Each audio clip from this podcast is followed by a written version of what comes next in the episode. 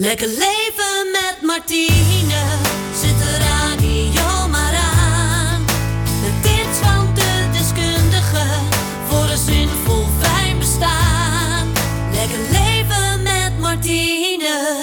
Fijn dat je weer luistert naar een nieuwe Lekker Leven met Martine. Aflevering 11 inmiddels alweer. Jeetje, wat gaat het snel. Ik ben Martine Howard en ik gun iedereen een heel lekker leven... waarin je de beste versie van jezelf kunt zijn. En daarom ga ik iedere keer in gesprek met experts en BN'ers... over geluk, mentale en fysieke gezondheid. Van je passie je werk maken, liefde, ontspanning, muziek... en nog zoveel meer. Alles op het gebied van een lekker leven komt voorbij. Deze keer hebben we maar liefst weer drie gasten. Straks hebben we niemand minder dan Baas B hier te gast. Hij is een tijdje weg geweest, kreeg een burn-out, heeft heel hard aan zichzelf gewerkt, zowel mentaal als fysiek, maakte tussendoor ook nog een carrière switch, maar nu is hij terug met een nieuw album en daar gaan we alles over bespreken. Ook spreken we Matthijs van Doesburg over hoe je stress aan kunt pakken en gezond en pijnvrij kunt gaan leven. Hoe doe je dat nou echt? Nou, hij kan je daar heel veel over vertellen. Maar we beginnen met een mindset en onze gedachten, want ook dat is knetterbelangrijk voor een lekker leven. Met naar je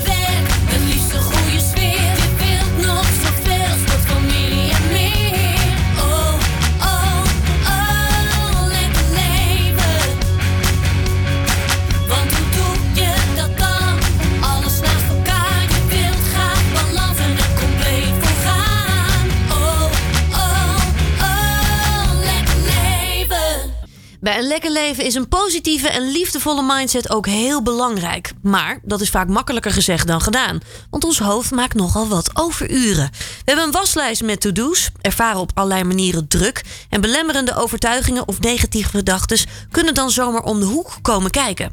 Hoe zet je negatieve gedachten en belemmerende overtuigingen dan om in iets positiefs? We gaan hierover praten met een expert en NLP-coach die dagelijks enorm veel mensen helpt met het omzetten van die gedachten.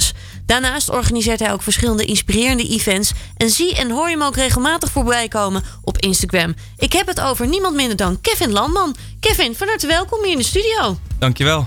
Fijn dat je hier bent. Hier zo bij eh, Lekker Leven, hier op Good Life Radio.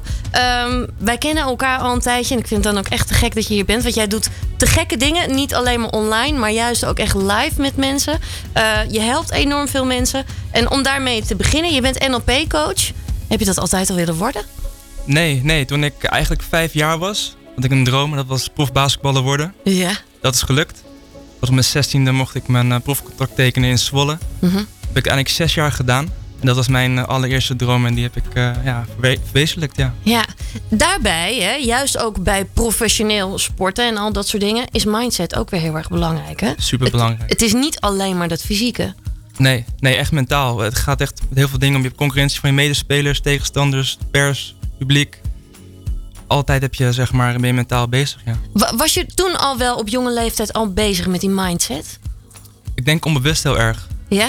Ja, Op wat voor manier dan? Ehm, ik deed het gewoon. Ik had eigenlijk geen twijfel en ik geloofde altijd in mezelf. Ja? Ehm, en als ik dus nu terugreflecteer, dan was ik altijd bezig met dat doel van ik moet prof worden of ik wil prof worden. En daar ga ik gewoon heel veel dingen voor doen. Dus heel veel dingen voor opgegeven. Dus schoolreisjes, eh, weekendjes weg. Ik was alleen maar aan het basketballen om dan die prof ja, contract binnen te slepen. Had je dan ook al, eh, was je aan het visualiseren onbewust? Zeg maar dat je het helemaal voor je zag? Ja, ik keek altijd naar Michael Jordan. Ja. En ik deed zijn moves in mijn gedachten na. En ik kreeg ook altijd een gevoel bij. En op een gegeven moment dan eh, pakt het gevoel het gewoon over in de wedstrijd. Dan lukt het gewoon. Ja, wat goed. Het is dus ook gelukt bij jou. Hè? Je bent dus ook echt gewoon professioneel gaan spelen.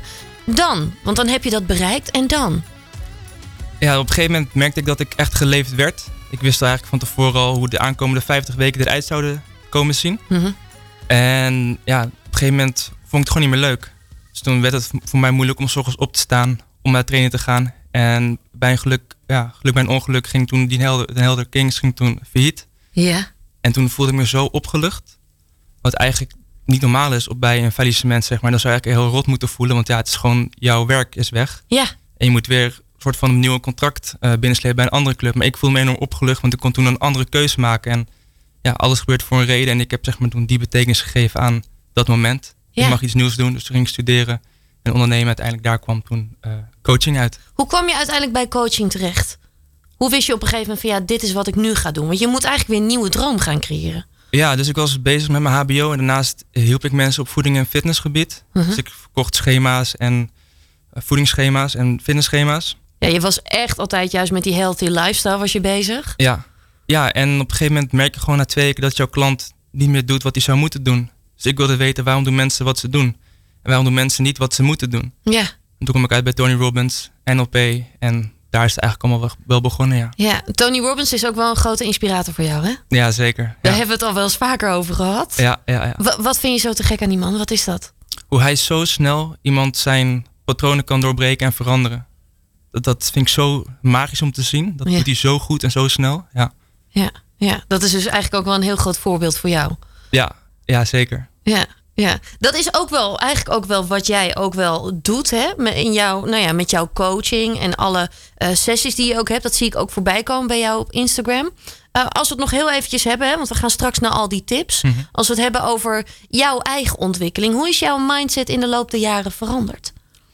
Ja, die is enorm veranderd. Op een gegeven moment kom je erachter dat je dus zelf iets doet. Dat je zelf een keuze hebt in je gewoontes kiezen. Mhm. Eh, eerst dacht ik dat het gewoon gebeurde. Je wordt geboren en dat is gewoon zo. Dan, dat is dan jouw uitkomst ook. Je komt op de wereld, dan heb je een soort van patroon. Dat ga je doorlopen en dat, dat is het. En Ja. Daar heb je geen invloed op, maar daar heb je dus wel invloed op. Dus dan kwam je zeg maar in het begin kwam ik achter van je hebt een fixed mindset of een growth mindset. Uh-huh. En een fixed mindset dat, dat staat vast. Dus ik ben omdat ik het zo ben.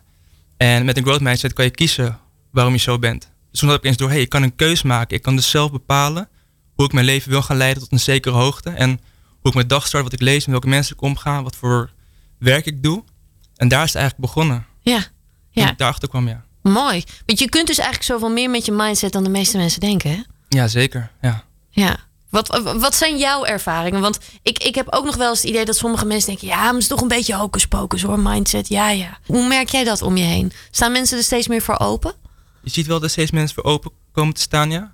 Ehm, maar je kan het voor je laten werken of tegen laten werken. Ja, Dat is zeg maar. Dus als je het niet gelooft en je leven is zeg maar niet zoals je wil dat het is, ja, dan werkt die mindset dus tegen jou. En als je dus wil veranderen, dan heb je daar dus een keus in. Je kan dus kiezen dat het leven wel voor jou gaat werken, omdat je dan anders met situaties omgaat. Je geeft de situatie een andere betekenis, een andere, andere context voor jezelf. ja, ja. Laten we eens eventjes gaan kijken. Hè? Want eh, heel veel mensen komen natuurlijk met allerlei verschillende klachten. Komen ze met jou eh, of met problemen? Eh, wa- wat zijn de meest voorkomende? Ehm, nu heb ik al veel mensen met depressies en burn-outs. Ja, En eigenlijk het eerste wat ik dan vraag aan diegene is: ben je een burn-out of doe je het?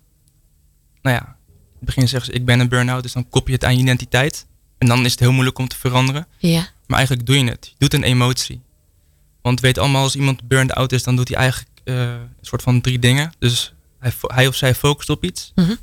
vertelt een verhaaltje tegen zichzelf en heeft een bepaalde houding. Nou, doe je dus burnt out, heb je, doe je dat. Maar ook als je zeg maar heel erg blij voelt, focus je op iets.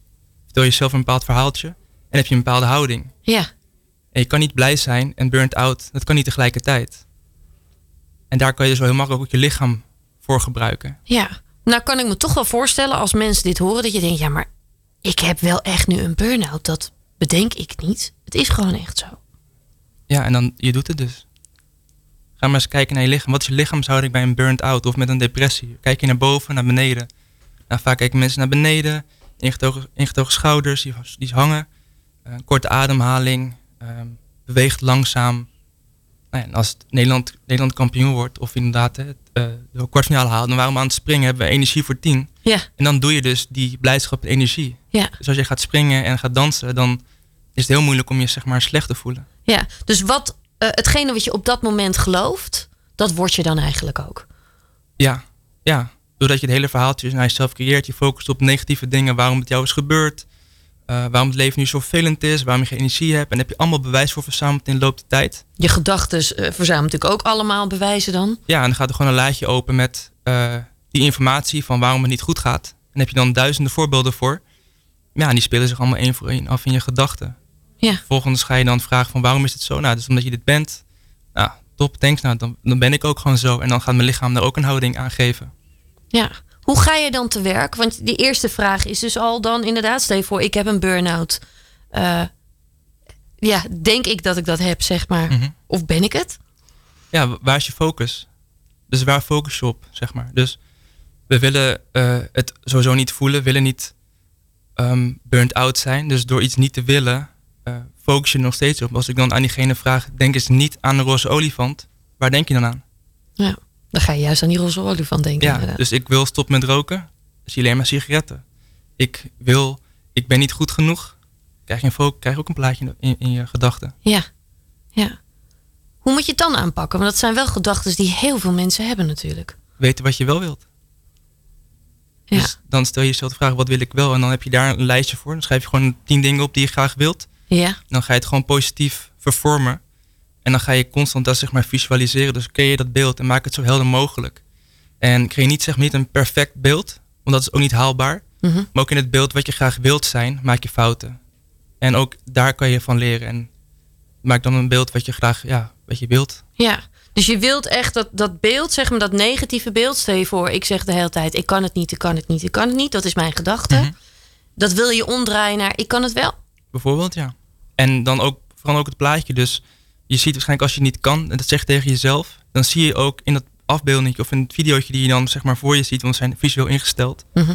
zie je ook dat het niet goed gaat. Ja, En elke keer krijg je dan nu bevestiging en dan doe je het een keertje en dan gaat het niet goed. Ja, zie je wel. Maar ook dan kan je weer van leren. Dus dan ga je dus in die growth mindset, ga je zelf afvragen, oké, hoe kan ik het volgende keer beter doen? Ja. Wat kan ik tijdens het, zeg maar, tussen haakjes falen?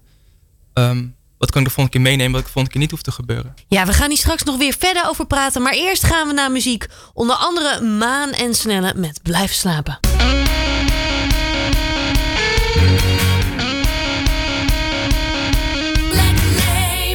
Hier bij Lekker Leven hebben we nog steeds Kevin Landman te gast, NLP-coach. En we hebben het met hem over hoe je negatieve gedachten en belemmerende overtuigingen ook echt om kunt zetten in iets positiefs. Ik denk dat altijd heel veel mensen ook het gevoel hebben, zodra ze maar een negatieve gedachte hebben: oh, nu ben ik aan het falen, oh, nou gaat het niet goed. Ja. Maar in hoeverre bestaat dat, dat falen? Ik denk dat er altijd dat zal zijn, die gedachte. Dus ook als je het perfect wil doen, dan, ja, dan kan je heel lang wachten. Eh, maar het gaat nooit perfect. Nee. Dus het is beter starten voordat je eigenlijk klaar bent. Start before you're ready. En leer ervan. En doe het elke keer ietsjes beter dan de vorige keer. Ja, ja. Kun je ons meenemen in het proces? Want hoe, hoe, hoe zet ik een gedachte om? Ik heb bijvoorbeeld, ehm, ik vind het, als ik eventjes persoonlijk ben, ik vind het best lastig dat ik wat ben aangekomen Mhm. de afgelopen paar jaar. Dat heeft met mijn gezondheid te maken. Niet dat ik nou eh, meer ben gaan snoepen, eh, maar ik ben gewoon wat voller geworden vanwege mijn gezondheid. Ja. Auto-immuunsysteemziekte. Hoe ga ik daar goed mee om? Want ik kan echt wel eens dagen hebben dat ik in de spiegel kijk dat ik denk, oh, ik zie er niet uit. En heb je dan ook dagen dat je wel denk ik er goed uitziet? Ja, dan ben ik wel oké, ja. Oké. En hoe doe je dat? Eh, dan ben ik wat liefdevoller, denk ik ook wel voor mezelf. Dus dan geef ik ook wat meer complimentjes aan mezelf. Oh, je ziet er wel goed uit vandaag. Ja. En wat doe je nog meer? Ehm, meer genieten, denk ik ook wel onbewust vaak van, van alle dingen die goed gaan. Eh, dus eh, ik kan dan nou heel erg eh, lekker mijn balkondeur openzetten. Genieten van de zon. genieten van de bloemen die in mijn huis staan. Lekker eten maken. Ja. Ja, dus hey, je, geeft jezelf complimentjes, je geniet. Dat zijn al twee dingen die dus goed gaan als je dus positief voelt, als je je beter voelt. Mhm. En als je dus wat minder goed voelt, Ja. hoe doe je dat dan? Ik kan op dagen dat ik me dus wat minder aantrekkelijk voel, of dat ik me echt voller voel, kan ik me, ga ik me vaak ook minder leuk kleden. Ga ik me wat wijder aankleden, want dan wil ik het een beetje verdoezelen. Ehm, ik ga me vaak me- meer druk maken om, al, om allerlei dingetjes ook nog wel. Ja, nee, die broek die zit nu ook wel strakker. Ja, dat topje dat zit nu ook nog wat strakker. Eh, dus je gaat nog meer op dingen letten. Ja, dus dan ga je het weer uitvergroten voor jezelf. Wat is er weer die focus? Dus dan focus op positief of negatieve. Ja, negatief. En dan, dan daarvan stel je zelf een verhaaltje. Wat dus weer meer bewijs is dat zeg maar, jouw gedachte klopt. Of in ieder geval die focus klopt. Mhm. En dan heb je ook nog een soort van lichaamshouding die je dan bevestigt. Ja. Ehm, dus als je dus nu wat minder goed voelt, dan kan je eigenlijk binnen vijf of tien seconden door je lichaamshouding te veranderen, kan je weer beter voelen. En, en kun je me uitleggen dan hoe doe ik dat dan? Hoe moet ik anders gaan staan bijvoorbeeld? Hoe doe ik dat? Ehm, we kunnen ook gewoon zitten. Dus Ja. je, je zit nu, dus laat het gewoon zitten doen. Oké. En dan wil ik je vragen om zo meteen alles aan te spannen. Dus van je kuit hier boven in de buik, borst, schouders. En dan kijk je naar het plafond en zet je een grote glimlach op. Oké. Ben je er klaar voor? Ja. Oké, mag je alles aanspannen, naar het plafond kijken Ja? en lachen. En dan Ja? denk maar iets negatiefs. Maar blijven lachen en blijven aanspannen en denk maar iets negatiefs. Blijf iets lachen. negatiefs denken nu. Ja, maar blijven lachen, blijven aanspannen, blijven lachen, blijven aanspannen. En Ja, iets ja, ja. negatiefs denken. Oh, dat gaat als niet. Nee, nee. dit is het recept. Je mag ontspannen hoor. Oké. Dit is, het, dit is eigenlijk het recept van blijdschap. Dus nu lach je en je kan ook maar één emotie tegelijkertijd voelen. Ja, dat gaat gewoon ook echt niet. Nee, klopt. Ik probeerde het wel, maar het ging gewoon niet. Nee, klopt. Want je bent grote, als je lacht, dan kan je niet ja, je somber voelen. Want je lacht. En Ja. je, je, je, je spant je buikspieren aan. En normaal gesproken, als je helemaal zeg maar, kapot gaat van het lachen, dan span je ook al je lichaamsdelen aan. Ja, En dit is dus het recept van lachen. En dat is voor iedereen hetzelfde. Wat goed. Dus eigenlijk alleen al door één zo'n oefening kun je al de boel omzetten. Binnen Ja. een paar seconden. Ja. Ja. Heb je nog meer van dat soort trucjes? Want laten we wel wezen, zeker in deze tijd ervaren mensen best wel dat, dat ze misschien wat downer zijn. Dat ze het moeilijk vinden. Eh, we voelen ons minder vrij. Dat doet ook weer heel veel met mensen. Mensen zijn veel meer alleen. Eh, heb je nog meer van dit soort tips? Ja, het is natuurlijk goed om sowieso alle emoties te voelen en te ervaren. Het is niet de bedoeling dat je alles gaat onderdrukken omdat je alleen maar goed wilt voelen. Want uiteindelijk is het leven heel mooi als je negatieve en positieve gevoelens kan ervaren. Dan heb je een, een rijk leven. Ja. Um, maar soms dient een emotie gewoon niet meer. Um, en dan kan je verschillende dingen doen. Je kan dus deze oefening doen. Maar je kan ook bijvoorbeeld gewoon eventjes twee minuten lang gewoon springen. Alsof je bij een rockconcert staat of op een festival. Dan voel je ook supergoed. ja. Uh, En dan ook echt opgaan in dat moment. Dan volledig ook, hè? opgaan, geef je over. Ga lekker mee met de muziek, spring. En, en beeld ook in dat je daar bent. Want dan voel je gewoon, gewoon veel beter. En je merkt ook gewoon door te bewegen. komt energie vrij in je lichaam. Die je weer kan hergebruiken in productief werken. Of in een, inderdaad voor een podcast. Of noem maar op. Je kan het gewoon voor je laten gebruiken in plaats van tegen je. Ja. Een ander iets, bijvoorbeeld zoals rouw, hè? een relatie die uit kan gaan, eh, iemand die overlijdt. Mhm. Eh, heel veel mensen hebben daar heel veel moeite mee. Eh, ik heb dat zelf ook in mijn eigen omgeving ook wel echt gezien. Het is vaak ook een onderwerp wat best wel beladen kan zijn. Omdat je daar ook een wat langere tijd soms ook mee rond kan lopen. En iedereen om je heen is dan al lang doorgegaan. En jij zit toch met dat verdrietige gevoel. Ja. Hoe ga je daarmee om? Nou ja, als je dus wat langer door blijft gaan met dat gevoel, dan betekent het eigenlijk dat je nog heel erg bezig bent met dat moment van overlijden, dat je iemand bent verloren. Ehm, helaas wordt dat bij het leven. We kunnen niet mensen een hele tijd in ons leven houden, voor oneindig. Um, dus dan kan je beter de context veranderen. Hm. Wat zijn alle mooie momenten met die persoon die je hebt beleefd? Dus ga kijken naar het positieve. En dat heeft ook uh, de schrijver van Logica van Geluk geschreven. Die zijn zoontje op 21 jaar geleden, 21 leeftijd verloren. Ja. En die stond heel lang op met een verdrietig gevoel. Dus constant als hij wakker werd, eerst wat hij dacht was... ik ben mijn zoon verloren. Dat was hij- zijn eerste gedachte. Zijn eerste gedachte, ik ben, ben mijn zoon verloren. Dus hij moest gelijk huilen. En vervolgens ging hij daar dus teksten aan toevoegen. Ik ben mijn zoon verloren, maar ik heb wel 21 jaar lang met hem genoten. En hij heeft dit gedaan, dit gedaan, dit gedaan, dit gedaan. En dan verander je dus ook de context van het verlies of rouw. Ja. En dan ga je kijken met dankbaarheid of met blijdschap naar een moment. ja, of met liefde. Of met liefde, ja. Dus dan is het ook minder zwaar beladen. En dan heeft het niet meer zo'n zwaar gevoel voor je, maar dan kijk je er met een lach naar. Ja, mooi, mooi. Ik kan het ook echt beamen. Ik heb dat zelf met mijn moeder.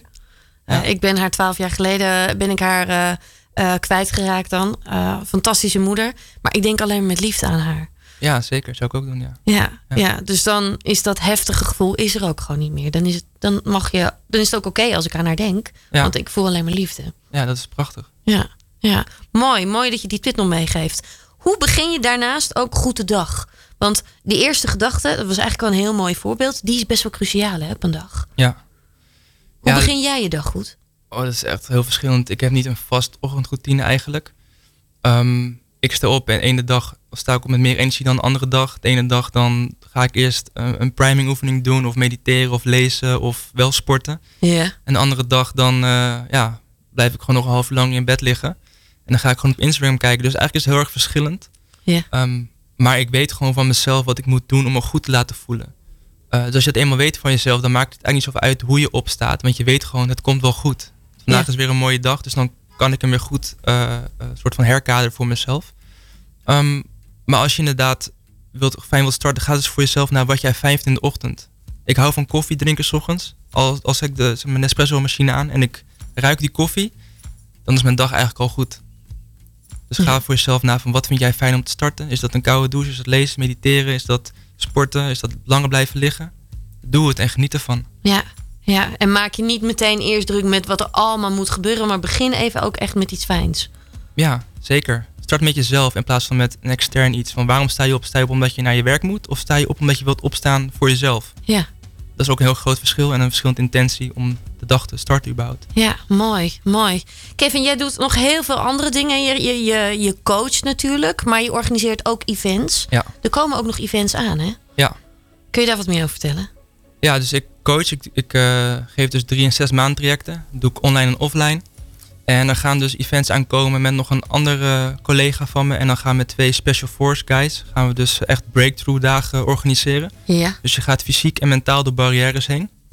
En ehm, ja, dat is gewoon enorm krachtig. Dus die gaan nog aankomen en je kan, kan het gewoon vinden online zeker. Ja, mooi. Mensen kunnen je ook vinden natuurlijk op Instagram. Onder Kevin Landman. Eh, Kevin, ik wil jou enorm bedanken voor al jouw tips. Ik hoop dat heel veel mensen hier ook heel veel aan hebben. En uh, dankjewel voor het delen van je verhaal. Ja, bedankt Martine. Thanks. Dankjewel. Je bent het zat, er is veel meer.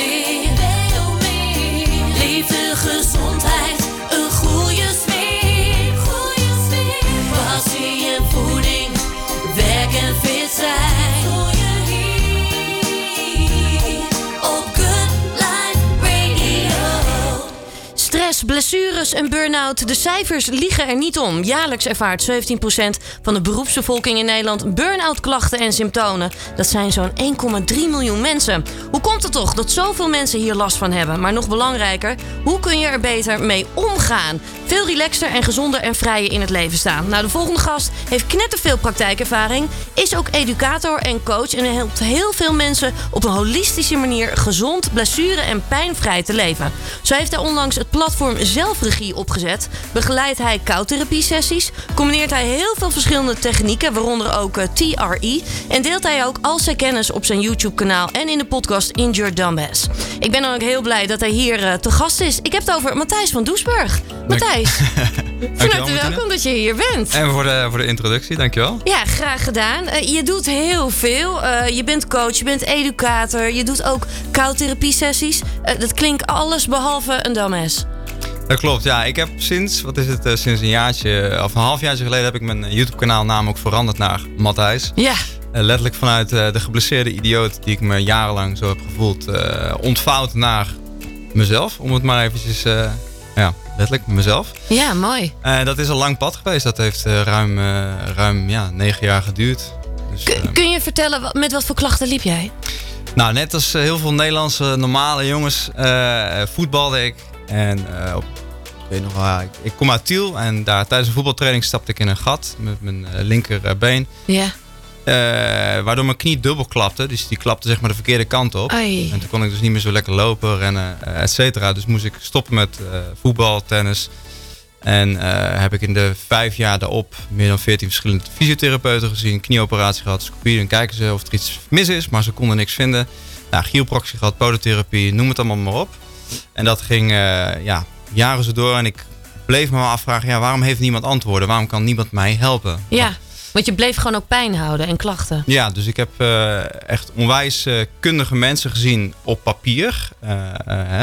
Mensen die ook bij NSC zaten en doseren op de Hogeschool Arnhem en Nijmegen Ja. in fysiotherapie. Maar goed, dat, eh, dat hielp allemaal niet zoveel.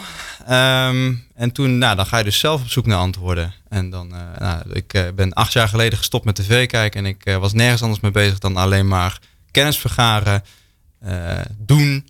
En zo mijn, mijn, mijn zienswijze vergroten. En van ja, eigenlijk pleister plakken, de symptomen bestrijden naar problemen oplossen. En dat is een heel lang proces geweest. En ja, ik denk pas ja, sinds dit jaar kan ik voor het eerst in mijn leven weer pijnvrij hardlopen.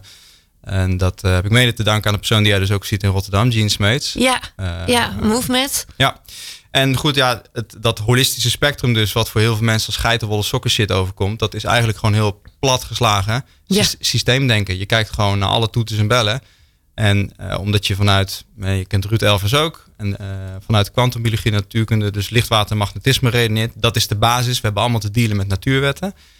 Als dat staat, dan kun je ook veel makkelijker de rest van de dominoblokjes om laten vallen, zodat je een gezonder en eh, pijnvrij leven kunt leiden. Ja, ja, juist dat holistische. Sommige mensen hebben daar inderdaad nog een beetje een zweverig geitenwolle sokken idee bij. Maar het is eigenlijk gewoon meer kijken naar het hele, nou ja, naar het hele overkoepelende systeem inderdaad. Zodat je ook kunt zien, maar wat gebeurt er nou echt? In plaats van dat je alleen maar inzoomt op één klein dingetje. Ja, Alleen maar op Het- een knie bijvoorbeeld waar je pijn hebt. En dat, dat is allemaal onlosmakend verbonden met elkaar. Alleen de punt is dat door een bepaalde opleiding, ik heb bijvoorbeeld voeding en diëtetiek gedaan Ja. en eh, food and business, dus ik heb een achtergrond in de voedingsleer. Ehm, maar dan word je dus zodanig gekaderd en dan wordt dat jouw tool. Dus dan is dat ook vaak je enige tool Ja. die je hebt om iemand te helpen. Alleen het punt is, ja, eh, lage rugklachten komen vaak voort uit psychosomatische problemen. Dus mensen hebben het letterlijk het gevoel dat ze vastzitten in hun leven. Nou, of ze hebben bepaalde dingen opgedaan in hun jeugd, waardoor ze de omgeving herinnert, die herinnert hen aan hun jeugd. Ja. Hoe ze ooit aan stress hebben geadapteerd. Eh, en ze worden constant getriggerd. Alleen ze weten niet dat het gebeurt. En ze, ze blijven maar die pijn ervaren. Nou ja, als je dat combineert met, met suboptimaal eten, dus je knalt er gewoon reguliere eten in plaats van biodynamisch biologisch eten. Je bent de hele dag gluten en andere lectines aan het knallen, wat ook weer ontstekingen geeft. Nou goed, noem het maar op. Er zijn heel veel factoren die meespelen. Het is echt een opeenstapeling van dingen. Waardoor we ook waarschijnlijk volgens mij gewoon ook niet meer doorhebben wat er nou precies echt gebeurt in ons lichaam. Nee, en dan, dat, dat zie je dus ook. Ik heb eh oud-klasgenoten die mij, eh, die mij eh, daar heb ik nu sinds kort wat meer contact mee, die interviews kijken die ik gedaan heb. Ja, die zeggen, ja, verrek, eh, tering. Had ik dit maar geweten. Ja. Ik kan gewoon de helft van mijn studie in de prullenbak gooien. Ja. En Ja. dat komt gewoon omdat ze dus niet redeneren vanuit natuurwetten. En dan ben je altijd met de kraan open aan het dweilen. Ja, een, een, een, een, een iets wat ik bij jou ook heel veel voorbij zie komen. Hè, dat is inderdaad eh andere manier van bewegen. Dus eh, wat je bijvoorbeeld bij movement leert. Is misschien ja, een, in een andere uitzending kunnen we daar nog veel dieper op ingaan. eh, hoe je anders kunt bewegen, zeg maar. Ook meer volgens de natuurwetten. Een ander iets wat ik ook wel echt voorbij zag komen was eh TRE. Hè? Dus echt trauma release exercise. Ja. Ja. Kun je daar wat meer over vertellen? Want dat helpt juist heel goed als je veel stress ook ervaart. hè? Zeker, ja. TRE staat voor Tension and Trauma Releasing Exercises en is uitgedokterd door Dr. David Besselli. En eh, David is eh, jarenlang actief geweest in oorlogsgebieden, heeft er heel veel verschillende mensen geholpen met het verhelpen van trauma. Eh, hij heeft nog zelfs met moeder Therese samengewerkt. Oké, ja, bijzonder. Dus die kan ook van zijn lijstje afvinken. Ehm, en David zag tijdens aanslagen, hij werd zelf ook wel eens, let- letterlijk raakte hij verstrikt in een vuurgevecht.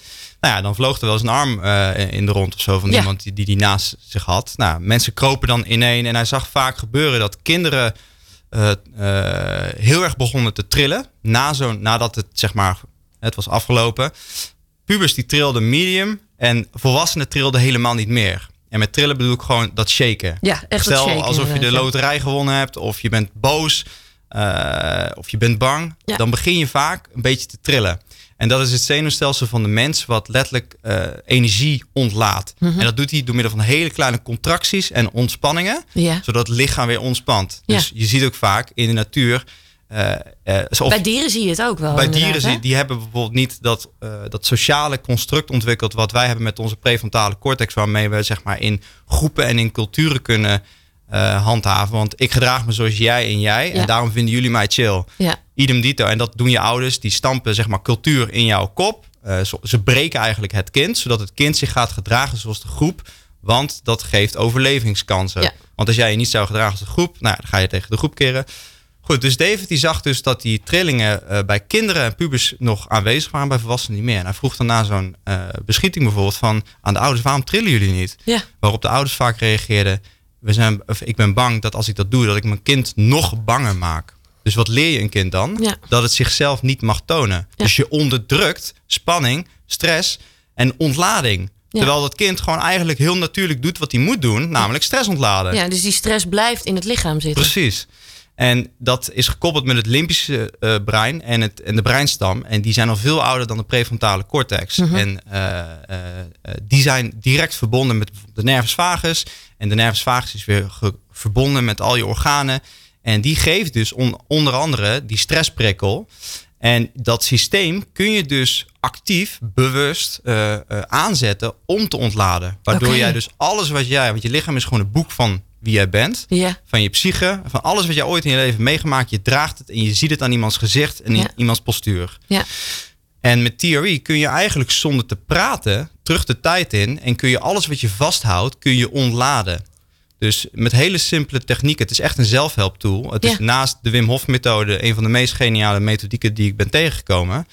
Eh, eh, ik heb er onwijs veel verdriet en zeer mee losgekregen. Maar ook, heel, ook wanneer je bijvoorbeeld je lach moet inhouden. Ja. Dat doe je ook met je hele lichaam. Het is niet Ja. meer hahaha. Nee, het is hahaha met je complete echt- lichaam. Ja, dus dat lichaam, dat wil het ook ontladen. En eh, door middel van die technieken kun je dus bijvoorbeeld... veel mensen lopen met depressies rond, posttraumatische stressstoornis. Burn-out klachten. Burn-out klachten, dat zijn eh A-gerelateerde omgevingsklachten. Dus wat ik er straks al zei. Ja. Hè, je doet eigenlijk iets wat je niet bent. En dat triggert je. Of je wordt constant herinnerd aan iets wat er ooit is gebeurd in je jeugd. Waardoor je constant in die stress, in die fight-or-flight respons schiet. Ja. En, met die, eh, en dan heb je de andere kant. ehm, eh, dat is dus ja, gewoon eh, alles dat wat vastzit, dat moet eruit. En middels theorie kun je dus gewoon de boel aanzetten en gaan ontladen. En dat, dat is een lang proces. Ik bedoel, je, le- je, ik weet niet hoe oud jij bent, maar 39 inmiddels. 39. Maar Ja. je draagt natuurlijk het een en ander bij. Dus Klopt. het is een lang proces van loslaten. Maar dat kun je gewoon zelf doen. Daar heb je geen therapeut voor nodig. Nee. Het enige wat, wat ik zou zeggen is dat zie een, een therapeut in het geval van dat je echt, als je met zware depressie kampt of met posttraumatische stressstoornis, dat je zo'n therapeut ziet, omdat hij of zij jou door in een veilige omgeving kan helpen om dat allemaal te ontladen. En vervolgens kun je het allemaal lekker zelf thuis doen. En kun je gewoon weer vrolijk door met je leven. En dat zie je dus ook bij dieren, wat je er straks al zei. Ja. Die, die denken niet na. Die gaan na zo'n stressvolle reactie of eh, ervaring, gaan ze gelijk ontladen. Beginnen ze te shaken als een idioot. En dan is het ook weg. En dan is het ook weg. En Ja. dan repareert het lichaam zichzelf. En dat kan het lichaam zelf. Ja. ehm, mits het de juiste omgeving heeft. En dat is wel een groot ding natuurlijk. Want de omgeving is niet meer wat het geweest is. Ja, dat is het. We zijn wat dat betreft qua omgeving ook verder van de natuur afkomen te staan. We gaan straks verder praten over hoe je beter met stress om kunt gaan. Maar eerst gaan we luisteren naar Dua Lipa. Lekker leven met Martine.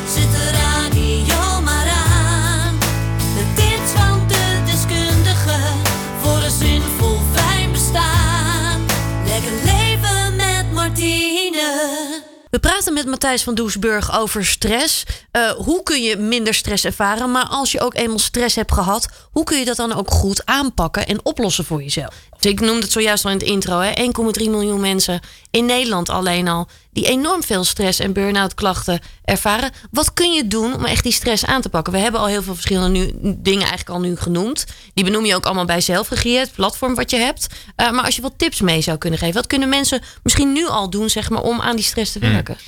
Nou, de meest makkelijke is eh, sowieso zorgen dat je biologische klok intact is. Eh, Bioritme is dus belangrijk. eh, als dat zeg maar niet in harmonie is met het ritme van de zon en de maan, dan jouw hele lichaam leeft zeg maar op een 24 uur ritme. Dus dat circadiane ritme. Dus als dat niet werkt, nou, hoe kun je dat aanpakken? De meest makkelijke is ga als je wakker wordt gelijk naar buiten. Check de zonsopkomst. Uh, zorg dat je in het licht staat, met je ogen in het licht zit. Uh, doe dat 15 tot 30 minuten. Dat is echt een minimum. Mhm. Uh, draag een blueblocker s'avonds. Dus een rood, een rood gecoat uh, blauwlichtblokkerende bril. Die van Somnoblue zijn bijvoorbeeld top. Omdat het blauwe licht, wat je bijvoorbeeld van je telefoon of van de tv allemaal krijgt, zeg maar, dat zorgt ervoor dat je wakker blijft. Ja, dat ook. zijn frequenties die, die je overdag hebt tussen uh, rond twee uur s middags. En dat is nou is het lichtspectrum van zo'n schermpje compleet anders dan die van de zon. Ja. Daar is ons lichaam niet onder geëvolutioneerd. Uh, dus dat is, maar goed, dat blauwe licht van de zon is ook een stressor. En dat zorgt ervoor dat je weer, uh, dat geeft een tegenreactie, namelijk ontspanning uiteindelijk in de avond. Het zorgt ervoor dat, nou goed, even dat proces los daarvan. Zo'n blue blocker in de avond is heel belangrijk, omdat je anders het signaal krijgt van nee, het is twee uur 's middags. Nou, Ja. dan kan ik geen uh, melatonine loslaten als het donker wordt. Ja. Dus ik kan niet slapen. Nou, als je niet fatsoenlijk kan slapen, dan ben je sowieso al de sigaar. Ja. Dus uh, Die is heel belangrijk. ochtendzon, uh, uh, koop een goede blue blokker van bijvoorbeeld Zonder Blue, die van 55 euro. Dat is echt een topje. Ja. Uh, dat is echt een van de beste investeringen die je kunt doen. Uh, vervolgens, nou, probeer biologisch en biodynamisch te eten. Alles wat regulier is, is zit vaak vol met pesticiden en antibiotica. Dieren hebben een kutleven gehad. En dus jij eet wat zij eten. Ja. Um, uh, dat geeft veel ontstekingen en stress. Uh, daarnaast, ja, beweeg. En dan inderdaad dat dus hardlopen, lopen, gooien. Dat zijn de bewegingselementen die de mens altijd heeft gehad. Dus als je naar movement.nl gaat of naar hun Instagram, kun je een beetje kijken. Nou, zij doen functional patterns. Ja. Zo beweegt de mens. Uh, dus... En een ander mooi iets, wat ook heel erg goed kan helpen, is natuurlijk ook koudtherapie. Precies, ja. ja. dat klopt, dat klopt, ja. Want die sessies geef jij ook. Ja. Uh, kun je vertellen wat de kracht van koudtherapie is? Mensen kennen het vaak van Wim Hof. Mm -hmm. Ja, daar heb ik het ook van geleerd. Ik ben, uh, toen ik in een depressie zat tijdens mijn studie, ben ik, uh, nou, ik, op een gegeven moment kreeg ik mijn studie weer op mijn, op mijn bankrekening. En uh, ik uh, volgde Wim al een tijdje. En ik zag dat hij toen een lang weekendworkshop gaf in Stroe, waar hij waar die nu woont. Nou, toen ben ik daar geweest. En in, na die drie dagen was mijn depressie zo goed als verdwenen. Zo snel? Dus toen had ik wel zoiets van, oh, dit, Wacht is wel, even. dit is wel serieuze shit. Ja. Um, Ja, dus koude therapie heeft, heeft onwijs veel voordelen. Eh, ik deelde deze week al, ik had een, een fotootje op Instagram geknald, waarin ik het een en ander deelde over het mitochondrium. En ja, die maakt dus energie in, in al je cellen. En als, als je dus geen energie hebt of te weinig energie, word je ziek of ga je dood. Ja. ja, als mensen daar meer over willen weten, kunnen ze dat ook allemaal opzoeken. En dan kunnen ze dat ook terugvinden bij jou. Ja, maar goed, de voordelen van koude therapie, uh, ja, het zijn er zoveel. Het, het, versterkt je immuunsysteem. Dus omdat je dus veel meer energie gaat produceren, je vergroot het aantal mitochondriën. Ja. En dat, dat bouwt zich op in bruinvet. En bruinvet zit rondom je organen, om de organen zeg maar, te beschermen van die enorme koude aanval. Want Ja. het, is een, het is wel een stressor. Ja, alleen die stressor geeft dus weer de tegenreactie, ontspanning. Dus gisteren was ik ook met een vriend zwemmen en die zei ook al ja, het is eigenlijk zo raar. Alles wat kut is in het leven geeft daarna een chill gevoel. ja, ja, ja, ja, ja. Alles wat zwaar is geeft daarna Ja, geeft zeg maar verlichting. ja. Want dus, je zou ook kunnen zeggen, joh, dat is hartstikke gevaarlijk. Ik weet dat ik vroeger nog wel eens ook werd gewaarschuwd. Joh, je moet niet meteen dat koude water ingaan, hoor. Dat is hartstikke gevaarlijk. Zoals krijg je nog een hartaanval. Ja, klopt. Ja, als je dus meegaat in die stressor. Dus het is enerzijds ook een stukje mindset en loslaten en ondergaan. Als jij constant bezig bent, ah, het is koud, het is koud, het is koud. Ja, dan maakt het alleen maar erger. Ten Ja. opzichte van, stel dat dit het is. Je gaat, je, dit, is de rest, dit is de rest van je leven, hoe je nu gaat spenderen. Ga je dan, ga je dan vechten tegen waar je in zit of ga je, on- ga je loslaten? Ja. En zodra je loslaat, is die kou veel minder vervelend dan, ja, dan dat je er tegen vecht. Klopt. Dus eh, het geeft je veel meer energie. Het versterkt je immuunsysteem dus drastisch, omdat je veel meer mitochondriën gaat aanmaken. Eh, je, je gaat enorm afvallen, Mhm. omdat je leptinegevoeligheid gaat vergroten. Dus dat is een hormoon wat zeg maar je vet gebruikt als, als, als eh, brandstof in plaats van. Ja, dus je verbrandt echt je vet. ja, en dat bruine vet wat je dus aanmaakt met, met, die, met de aanmaak van mitochondriën, die ver- verbruikt weer wit vet. Ja, Dus eh, toen ik in uh, Winterwoods uh, ijspadworkshops gaf, was er een gozer die, uh, die was best wel chubby. En hij ging, op, hij ging gewoon twee maanden iedere ochtend mee de bad in. En hij ging echt van zo naar zo in twee maanden tijd. Hij Ja. zei zo, jezus mina jongen, dat dit zo'n effect heeft. ja wat geweldig. Dus dat was wel mooi om te zien. Ehm, nou goed, het versterkt dus je mindset, je daadkracht. Omdat je dus zegt van ja, ik ga hier nu doorheen. Punt. Ik ben gewoon stil. Ik onderga en ik laat het zijn. Ja.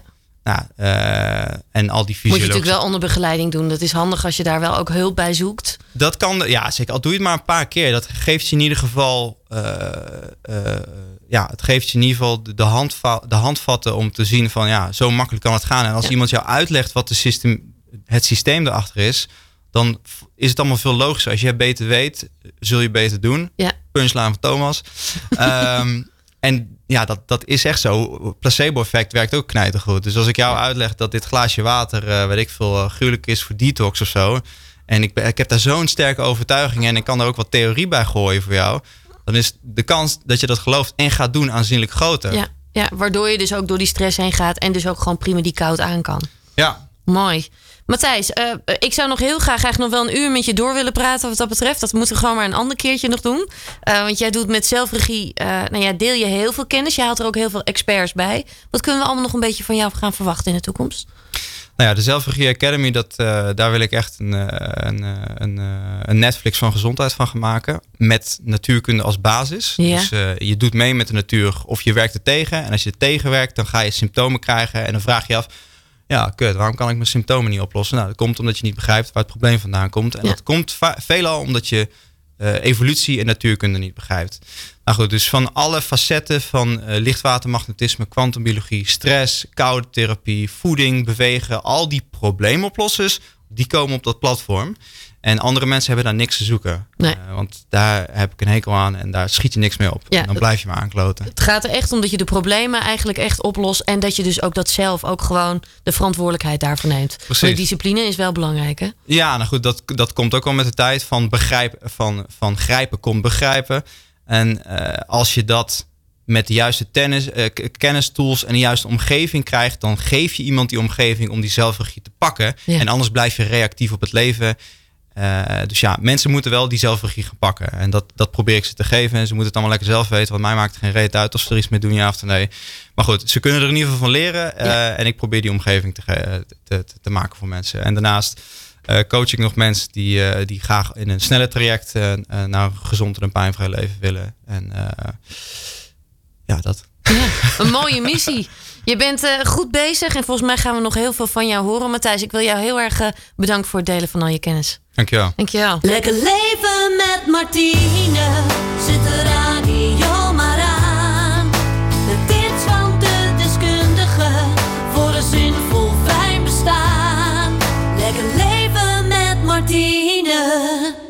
Ja, we gaan alweer door naar de volgende gast. We kennen hem allemaal van de nummers Kom uit het land van Mener, Diemen Zuid en Moppie. Samen met Lange Frans heeft hij een track record waar je u tegen zegt. Maar in 2009 stopte hij met alles. Hij overwon zijn depressies en angsten, herwon zijn zelfvertrouwen, vond zichzelf weer helemaal terug en maakte zijn studie psychologie af. En na een kleine tien jaar legde hij ook zijn conflict met Lange Frans bij. En nu is hij terug met zijn eerste soloalbum met de titel Die Goede Nieuwe Tijd. Ik heb het natuurlijk over Bart Zelstra alias Baas B. Van harte welkom, Bart.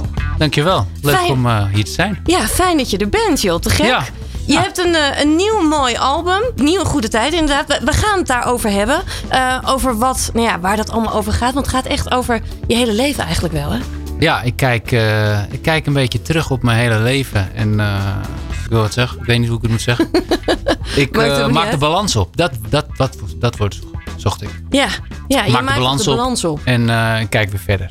Ja, mooi. We gaan ook echt terug de tijd in. Het, het, uh, het nummer uh, Back in the Days, Ja. uh, dat gaat ook weer echt helemaal terug in de tijd hoe het ooit ook wel een beetje begon, hè?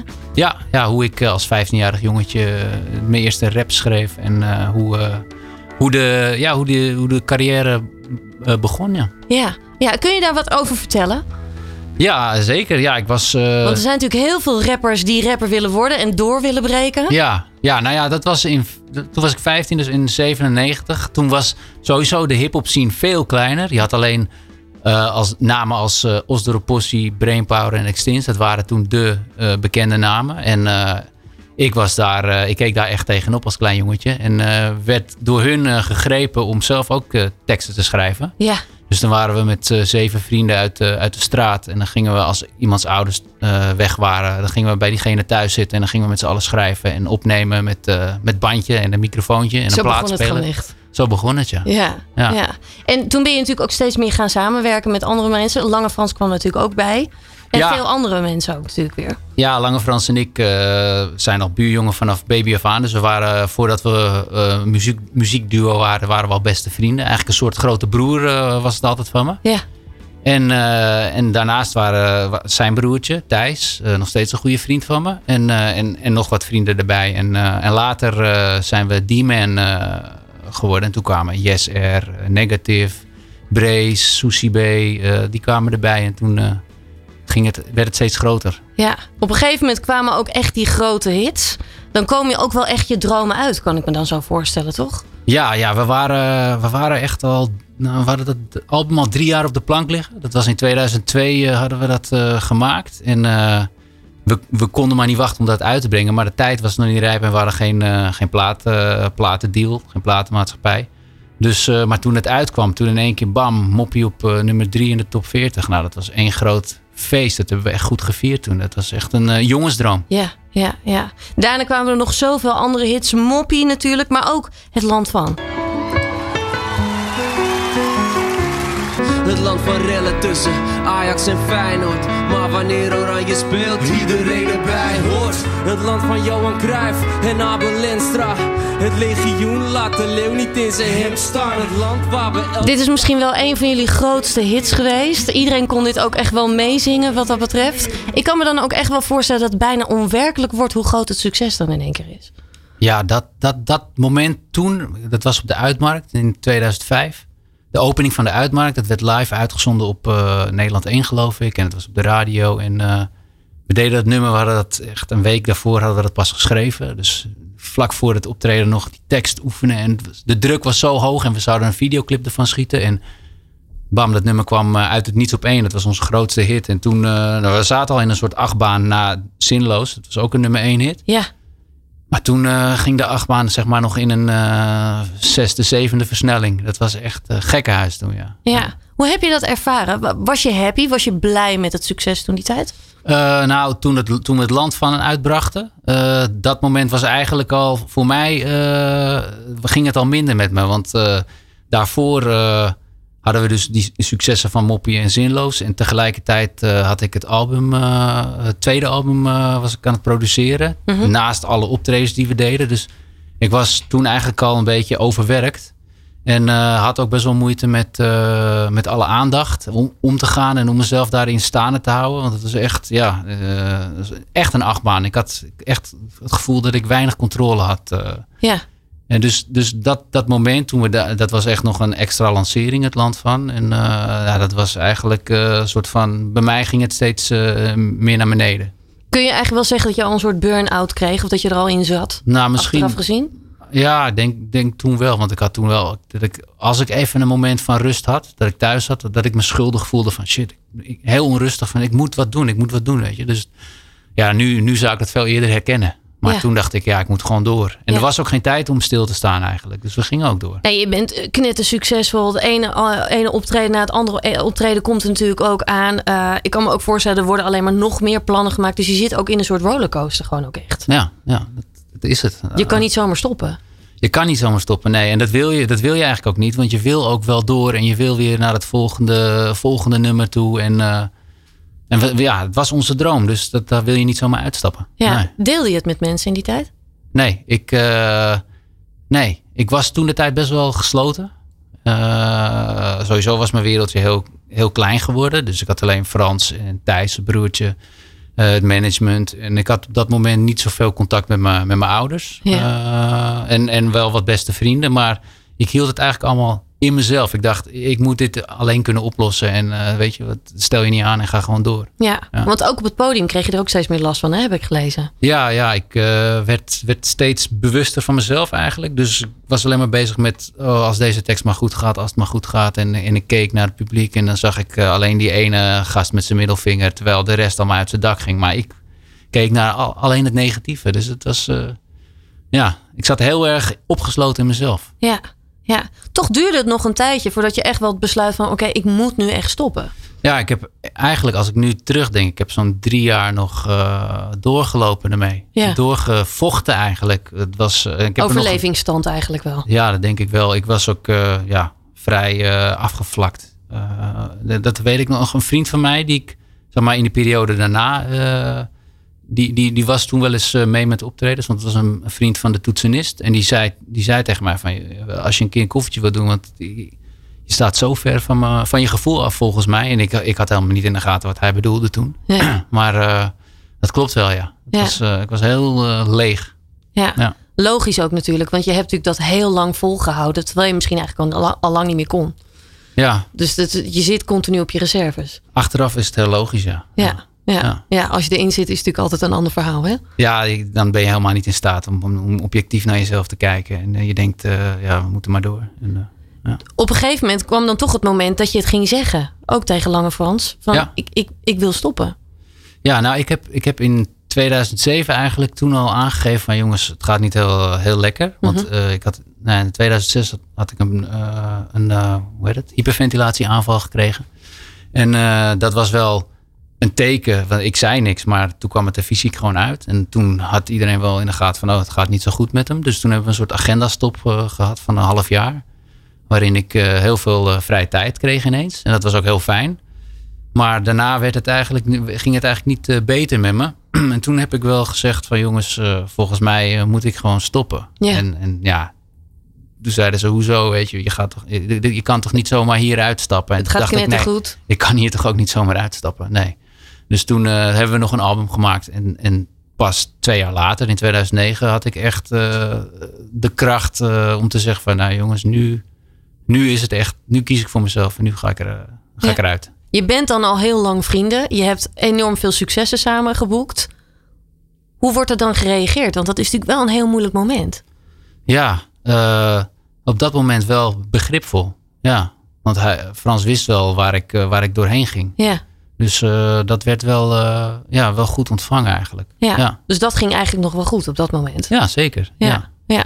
2009 ben je toen echt gestopt. Zijn jullie echt samen ook gestopt, hè? Ja. Ehm, dan kan ik me voorstellen, dan komt er wel een hele periode aan die compleet natuurlijk anders is, maar dat je ook denkt, waar ga ik beginnen? Ja, ik had toen wel eh, mezelf zoiets voorgehouden van, weet je, muziek is mijn ding en ik wil muziek gaan schrijven, produceren voor anderen. En, Dus dat, dat, ik ging als een bezetene achter mijn computer zitten, achter mijn keyboard uh, liedjes schrijven. Maar dat was allemaal uh, hele depressieve meuk eigenlijk. ik, heb, ik heb al die dingen nog thuis, maar dat, dat, uh, ik word er niet vrolijk van als ik daar nu naar luister. Dat, nee, nee. Dat was het gewoon niet. Dat was het niet. Dus ik had echt iets anders nodig. Ik moest er echt even helemaal uit. En toen heb ik met mijn ouders gezeten. En toen zei mijn vader, waarom pak je niet gewoon je studie weer op? En ik had al psychologie de eerste twee jaar uh, gestudeerd. Ja. Dus, en ik kon, uh, mijn studieresultaten stonden nog. Dus ik kon gewoon in het uh, tweede jaar weer instromen. En dat heb ik uiteindelijk gedaan. Dus in september zat ik in één keer weer in de, in de schoolbanken. Ja. ja in de collegezaal. Bijzondere stap ook wel wat dat betreft. Voelde het goed meteen of was het wennen? het was wel wennen, ja. Het voelde, het, het, voelde wel goed, maar ik vond het ook wel heel spannend om, om weer daar binnen te stappen en te kijken van hoe mensen naar mij zouden kijken. En, uh, maar al snel uh, voelde, dat, voelde dat heel goed en werd ik gewoon opgenomen. Was ik een van de, van de, van de groep. En uh, ja, heb ik een hele fijne student, studententijd gehad. Ja, waarom psychologie? Wat, wat, wat boeit je daar zo aan? Wat is dat? nou ja, het, de, allereerst de eerste keuze zeg maar in 2001 na mijn middelbare school. Ik wist begot niet wat ik wilde, behalve muziek. Maar ja, toen, maar mijn vader zei van ja, daar, daar zit geen toekomst in.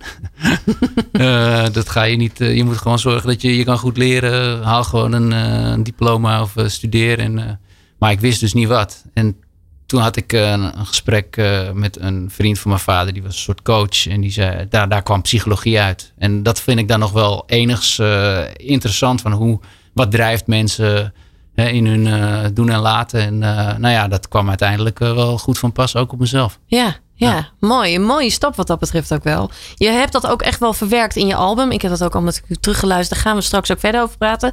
Een van de nummers op het album is uh, Het kind in mij. Daar gaan we straks ook naar luisteren. Kun je, kun je daar wat meer over vertellen? Want je bent ook wel een beetje teruggegaan naar het kind in jezelf, hè? Ja, ja dat, het kind in mij is, staat echt... Dat is volgens mij, voor mijn gevoel echt het, het hoogtepunt van het album. Uh, dat is echt uh, symbolisch gezien ook van... Weet je, ik ben weer ben weer connected met het jongetje in mezelf. Wat vroeger heel graag uh, buiten speelde, voetbalde, maar ook uh, liedjes schreef. En ja. uh, inspiratie had. En, en de lol weer in het leven. En ja, die omarming met het kind in jezelf, dat, dat komt heel mooi in dat liedje naar, boven, naar voren. Ja, mooi. We gaan luisteren. Leuk. Lekker leven met Martine. Ja, heerlijk. Kind in mij van Baas B. Ja, we zitten hier natuurlijk nog steeds in de studio. Uh, Bart, je hebt zojuist verteld hoe dat dan allemaal ging. En je ging die studie dus doen, psychologie. Hm. Dan zit je weer echt ook weer in die banken. Uh, wat heb je daar allemaal geleerd? Jeetje. Uh, dat is natuurlijk wel heel veel. Ja, ik weet nog dat ik het, het eerste vak uh, dat ik kreeg, dat heette gesprekspracticum. Practicum. En dat uh, was meteen een training van twee dagen in de week. Voor, uh, ik geloof, twee maanden lang of zo. Waarin je ging reflecteren, discussiëren en je werd gefilmd continu. En je moest de diepte in, in gesprekken. En, dus dat was meteen heel leerzaam voor mezelf. Dus ik denk dat ik daar echt, dat was het eerste vak dat ik kreeg. En dat was gewoon, daar kwam weer langzaam weer die die connectie met het kind in, in mezelf naar voren. En van, ja, wie, ben ik nou weer? Wie ben ik? En oh ja, ik ging weer grapjes maken tijdens de, tijdens de les en zo. En kwam ik langzaam weer uh, een beetje tot leven. Dus dat heb ik denk ik eigenlijk wel ook wel geleerd, mezelf. Ja. Ja. ja, dus niet alleen maar hoe het voor anderen kan werken, maar juist ook heel erg voor jezelf. Ja, los van de gesprekstechnieken en de inhoudelijke. Want ik studeerde eerst arbeidsorganisatiepsychologie, dus heel erg op het bedrijfsleven gericht. Daarna ben ik sport- en prestatiepsychologie gaan studeren. Dus hoe kun je nou omgaan met, uh, met situaties waarin je een topprestatie moet leveren? Hoe ga je om met spanning en uh, dat soort dingen? Dus dat is, kon ik ook weer toepassen op mezelf nu in, in, in, momenten dat ik moet presteren met muziek. Hoe ga je om met spanning? Redelijk goed, ja. Ja, beter dan vroeger. Nu, nu kan ik het zeg maar, ja, goed, goed ademhalen en zo. Vroeger werd ik helemaal, ging, hield ik het vast in mezelf. ja. ja ja, ja, daar gaat ook een nummer over, hè? Adem. Dat heb je samen met Wim Hof. Heb je dat ook wel opgenomen, heb ik begrepen? Ja, kun, je vertellen, kun je vertellen hoe dat is ontstaan? Was, was je zo geïnteresseerd in, ook in wat Wim Hof allemaal deed? Ja, al was ik nog niet zo uh, diep in zijn, uh, in, in, in, zijn theorieën gedoken als dat ik nu ben. Maar uh, dat was in de tijd van de lockdown. En ik ging hem volgen op Insta. Ik weet, ik weet eigenlijk niet meer waarom. Maar ik ging hem volgen op Instagram. En daar zag ik uh, Wim met zijn zoon Enam uh, ook een keer uh, spelen op de handpan. Dat is zo'n ja, zo'n zo pan, een beetje percussief eh, instrument. Ja, Met een hele spirituele eh, geluid. En ik word je werd- ook heel rustig van. word je heel rustig. Ja, ik Ja. werd daardoor gegrepen. En toen had ik een bericht gestuurd naar eh, Enam van... Hey, eh, vind je het tof om daar een keer wat mee te doen? Dus we zouden afspreken, maar dat kwam er maar niet van. Dus toen heb ik op een gegeven moment eh, een filmpje van hem eh, van Insta gesampled. Daar, daar muziek mee gemaakt. Mhm. Dat weer naar hem gestuurd. Toen zei hij, oh, te gek man. eh, vind je het leuk als mijn mijn pa er wat, eh, wat op doet? Ik zeg, ja, tuurlijk. En, nou, zo, eh, en een week later eh, zat Wim en eh, Enam zaten in de studio. En hebben we het nummer opgenomen. Adem in. Adem uit. Adem in. Adem uit. Raak de connectie met jezelf niet kwijt. En de hele wereld om je heen en bij. Als je op je scherm kijkt. Als schermtijd ben je vijf jaar van je leven kwijt. Ja, die tekst vind ik ook wel heel erg mooi. Raak de connectie niet met jezelf kwijt, hè? Ja. Dat is natuurlijk ook wel heel erg belangrijk. Die ben je ook echt wel kwijtgeraakt bij jezelf. Maar die vond je dus ook echt weer terug. Ja, klopt. Dus ja, het hangt allemaal wel eh, goed met elkaar samen. Ja. Zeg ik het zelf. Ja, ja. Ben je ook echt Wim Hof technieken daarna ook meer gaan eh, toepassen? Dus ook echt gewoon nou ja, die ijsbaden in en zo? Eh, nou, ik heb eh, voor, voor het nummer gingen, wilden we ook een soort van clipje maken. Dus ik ben een dag bij Wim geweest in Stroe. En toen hebben we ook in zo'n ijsbad gezeten. Ja, ik heb daar denk ik van acht minuten helemaal zen ingezeten. Dat was wel echt een te gekke ervaring. En, Ja. en nu doe ik dagelijks nog die ademhalingsoefeningen. Wat goed. Ja, Wat goed. Dus je bent daar nog steeds wel echt mee bezig. ja Nog even terug, hè? Want eh, je, je, je hebt geleerd hoe je beter met spanning om kunt gaan, zeg maar. Ik kan me ook zo voorstellen dat je in de loop der tijd gewoon veel beter met dingen überhaupt om kunt gaan. Omdat je jezelf beter leert kennen. Ook door alles wat je hebt geleerd. Eh, toch was er ook wel een moeilijke periode. Ook natuurlijk ook nog wel eh, met Lange Frans. Jullie, jullie hadden best wel flinke ruzies en, en discussies. Dat liep ook best wel op. Hoe ga je daar dan mee om? Hoe blijf je rustig? op dat moment? Ja, Ehm, ja, ik, ik want het, ben- het komt natuurlijk ook heel groot in de media. Er ligt dan best wel wat druk, lijkt me Ja, zo. dat was toen op dat moment eh, was ik juist zeg maar eruit gestapt en ik wilde juist geen aandacht. En, eh, en toen heb ik me ook laten adviseren door iemand van ja, weet je, je kunt beter gewoon niks doen. Want dan, eh, weet je, dan appt het vanzelf wel weg. Dus dat Ja. was soms wel moeilijk, maar ik heb gewoon stilgezeten en, en niks gedaan. En ik probeerde aan de andere kant gewoon eh, door eh, mensen met verstand eh, bij te betrekken, op, op een zo goed mogelijke manier alles, alles op te lossen. Ja. Dus ja. Ja, dus gewoon eigenlijk wel je hoofd koel houden. Ja, nee, ik, dat, dat zou, zou niks hebben geholpen als ik ook als een of andere maloot tekeer zou gaan. Of zo. Nee, Nee. Dat, Nee. Zo zit ik ook helemaal niet in elkaar. Dus. Nee, nee, nee. Wat dat betreft is het uiteindelijk ook allemaal weer goed gekomen tussen jullie twee. Jullie hebben het ook weer bijgelegd, hè? Ja. Dat is ook gewoon allemaal weer oké tussen jullie twee. Ehm, als we dan nog even kijken, hè, je hebt heel erg dat mentale deel aangepakt. Maar je bent ook fysiek, ben je ook echt wel meer gaan doen. Hè? Een stukje Wim Hof hadden we het net al over. Mhm. Maar je bent ook echt wel meer met sporten ook allemaal weer aan de bak gegaan en dat soort dingen. Ja, sowieso al. eh, toen ik ging studeren, ging ik ook weer meteen op voetbal. Ik dacht, ik ga gewoon eh, weer lekker de oude, mijn oude leventje oppakken. Ja. Om, eh, ja, dan, dan kom ik vanzelf wel weer eh, bij mezelf terecht. Dus voetballen doe ik, doe ik nog steeds in een vriendenteam bij, eh, bij de Meer. Superleuk clubje waar ik eigenlijk als kind ook al speelde. En daarnaast fitnessen. Alleen nu nog steeds helaas zijn de fitnessscholen allemaal dicht. Ja. Dus dat is wel balen. Maar ik doe gewoon thuis nu met YouTube En hoe vaak? Waar moet ik dan aan denken? Heb je een soort ritme erin zitten? eh, drie keer in de week nu zo'n beetje. oh, dat is nog best wel goed. Ja, Dat is wel fanatiek. jawel. Ja, Ja, ja je moet het, je moet het, als je het doet moet je het goed doen vind ik. ja. Bedoel, ja. Is dat belangrijk voor je? fit blijven? Eh, ja, zeker. Zeker omdat ik ook hele dagen achter, eh, achter mijn bureau eh, in de studio zit. Weet je, Eh, vind ik het wel belangrijk eh, om mijn lichaam eh, op eh, peil te houden. En eh, daarnaast eh, is het ook goed voor je geest. Want als je fysiek eh, in vorm bent, dan eh, ben je ook scherper in je geest. Ja, maar hoe doe je dat dan? Want er zijn heel veel mensen die wel fit willen blijven, maar die motivatie kunnen ze gewoon niet vinden. En zeker niet in deze tijd. Ja, hoe doe ik dat? Ik, ik, ik ben van mezelf wel gedisciplineerd. Dus ik stel ook gewoon doelen. Ja, Dus eh, ik had vorig jaar had ik zeg maar in juni was dat. Nou, het komende half jaar ga ik gewoon drie keer in de week ga ik, ga ik fitnessen. En eh, dan had ik ook een lijstje en dan, dan streep ik dat af. Weet je, dat houdt je ook weer eh, scherp. Zeg maar, dan, je wil niet die ketting doorbreken van, oh ja, shit, ik moet nog een keer. Weet je? Dus Ja, dat- ja, ja, ja. op die manier probeer ik mezelf te stimuleren. En ik weet waar, waar ik het voor doe. En ik vind het ook heel, eh, heel lekker om te doen. En vorig jaar had ik de mazzel dat ik bij, bij Guy, bij 365, eh, eh, mocht trainen. Mhm. Dus dat, dat, dat hielp ook wel als stimulans. En nu moet ik het zelf doen. En als je eenmaal in het ritme zit, dan gaat het ook wel lekker. Dan is het wel lekker, hè? Dat Ja. ritme is altijd zo fijn, hè? Ja, Dat je een soort patroon er eigenlijk ook al dan, in dan ga je het ook missen als je het niet doet. Ja, ja, klopt. Dat kan ik wel echt beamen. Eh, we gaan weer eventjes luisteren naar muziek. Deze keer eh, gaan we luisteren naar eh, Bruno Mars. Eh, en straks gaan we weer praten over je album.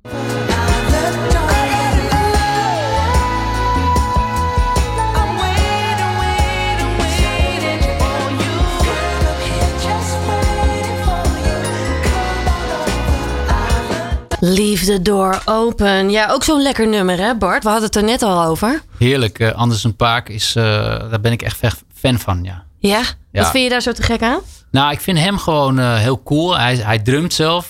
Hij zingt zelf. Hij, hij sch- schrijft die nummers zelf. Nou ja, Bruno Mars is natuurlijk ook multi-talent. Ja. Dus die twee samen, dan krijg je dit, ja. Ja, echt te gek wat dat betreft. Ik word er wel iedere keer wel heel blij van. Ehm, op je album hè, heb je eigenlijk wel hele persoonlijke teksten. Is dat Ja. nog persoonlijker dan voorheen? Ja, zeker. Ja, voorheen eh, was ik niet zo persoonlijk eigenlijk, hoor. Nee. Dat eh, ging meer over moppies eh, en ja, het land van. Maar Ja. dat, was, dat ging niet over mij. Nee, nee. Wel Wat- over mijn, mijn blik tegen dingen. Maar nu, nu deel ik wel echt. ja, soms denk ik van, oh ja. Als ik nu terugkijk op het album, denk ik van, oh ja, het is wel heel persoonlijk. Ja. Ja, ja. Wat dat betreft toon je ook wel echt wel kwetsbaarheid. Alleen al om dit verhaal ook te delen. Hè. Je deelt het ook in andere interviews. Maar ook wel heel erg op dit album. Ja, ja dit album moest er gewoon uit voordat ik, eh, voordat ik weer verder kan of zo. Het was echt, eh, ja, het zat gewoon in me. En, eh, en ik vind het ook wel fijn. Ik heb ook tijdens mijn, mijn werk als psycholoog met, met jongeren heb ik ge- gewerkt met verslaving en gedragsproblemen. Ja, En daar heb ik ook gemerkt wat, wat de kracht is van delen en van kwetsbaar zijn en zo. En nou ja, kwetsbaar, eh, kwetsbaarheid, dat is in de hip-hop scene niet zo'n eh, algemeen eh, aanvaard ding, denk ik. Dat, dat gebeurt weinig. Dus ik vond dat wel mooi om dat wel te laten horen. ja, ja. Het is juist ook wel heel krachtig hè, om je kwetsbaarheid te delen. Ja, ja ik, heb, ik heb niks te verbergen. En ik hoop dat mensen misschien, er misschien wat aan hebben ook. Ja. Dat, ja. Ja, ja. Wat zouden mensen eruit kunnen halen? Want jij weet natuurlijk heel goed wat er allemaal op dat album staat. ja, Wat zou je mensen mee willen geven, misschien ook wel met dit album? Ehm, dat ze, ja, het klinkt misschien heel cliché, maar dat ze dicht bij zichzelf moeten blijven. En moeten durven luisteren naar je, de innerlijke stem of je hart. Mhm. En varen op, op je eigen kompas. Want dan, eh, dan word je gelukkig, denk Ja. ik. Geloof ik echt. Ja, ja. Dit programma heet natuurlijk ook echt Lekker Leven. Ja. Dat is het dan voor jou dus ook wel echt lekker leven. Dat je dicht bij jezelf blijft en ook je hart volgt. Ja, want dan krijg je ook mensen op je pad die, die jou weer helpen. Of die ja, vrienden worden. Weet je, als, jij, als jij dicht bij jezelf blijft, dan, en dan kom je, kom je in situaties die echt bij je passen ook. Ja, Dus dan gaat het ook makkelijker. Gaat het vanzelf. Dan leef je echt lekker, ja. ja, ja, Ja. mooi. Delen is helen is ook een van de nummers op je, op je album. Ja, eerste nummer. Ja, ehm, je, je hebt dat volgens mij ook wel echt ook wel eh, meegegeven aan de jongeren waar je ook mee hebt gewerkt. Hè? Ook als psycholoog. Dat delen juist zo belangrijk is. Kun je daar wat meer over vertellen? Over dat werk daar. Ja. Ja, eh, ja ik, ik was, eh, dat heette behandelaar. Dus dan had ik drie jongeren, soms vier jongeren onder mijn hoede. En dan ga je dan een achtweeks programma door met verschillende stappen. In het begin is het echt eh, ja, landen en eh, eh, op een gegeven moment ga je je levensverhaal vertellen. Maar dat, hoeft niet meteen in het begin. Maar, dus je gaat echt door verschillende fasen heen en je ziet die jongeren langzaam openen en, en steeds meer delen. En, en je ziet dat het helend werkt. En na, na acht weken dan gaan, ze, gaan ze de deur uit met, met een lach op het gezicht en vol vertrouwen het leven weer in. Dat is super mooi om, om mee te maken. Is dat ook inspiratie echt ook geweest voor dit nummer? Ja, ja, want we zeiden altijd delen is helen. Dat zeiden we altijd in de groepsessies. Eh, iedereen was super bang om dan eh, zijn dingetje. Iedereen moest wel wat, eh, wat delen. Maar ja, niemand zat erop te wachten eigenlijk. Weet je? Dus dan had je hele stroeve groepsessies. Maar zodra iemand echt persoonlijk werd en iets vanuit zijn hart vertelde over wat hij had meegemaakt. Dan zag je dat effect en dan ging iedereen aan en dan had je gewoon een groepsessie. Dat ging vanzelf. Iedereen deelde en die verbinding kwam echt tot stand. En mensen steunden elkaar. Het was super mooi om te zien. Dus Ja, dat heb ik, mooi. eh, dat heb ik eh, in dit nummer gestopt. Ja, ja. Het krachtige vind ik zelf altijd al van delen. Hè. Zodra mensen het meer gaan doen, dan, nou ja, dan ga je ook vertrouwde voelen om nou ja, ook nog meer te delen, zeg maar. Of dat anderen het ook gaan delen. En dan kom je juist ook verder. Dan kom je juist ook tot die verbinding met elkaar. Ja, want als je allemaal maar oppervlakkig blijft, dan waar vind je ook, waar kun je elkaar nou vinden? Ja, een mooi weertje, ja, een mooi weertje. En dan ga je weer door, weet je. Maar als je echt iets deelt, dan, dan, dan leer je elkaar ook beter kennen. En dan, ja, verbinding maken is toch het mooiste wat er is, denk ik. Anders Ja. blijf je, ben je maar eenzaam. Ja, ja, klopt. In het nummer vandaag horen we dat ook wel echt ook wel terug. En juist die connectie ook weer met jezelf. Ja, en, en ook de dankbaarheid voor, eh, voor alle kleine dingen in het leven. Die eigenlijk heel groot zijn. Ja, ja. Er staan natuurlijk heel veel eh, nummers op op het album. Eh, ego shit. Ego shit, ja. Eh, daar komt het eigenlijk ook wel aan bod. Hè? Het blijft niet in het oppervlakkige ook weer hangen. Wat dat betreft ook wel. Ja, ja. Geld, money, bitches, ja.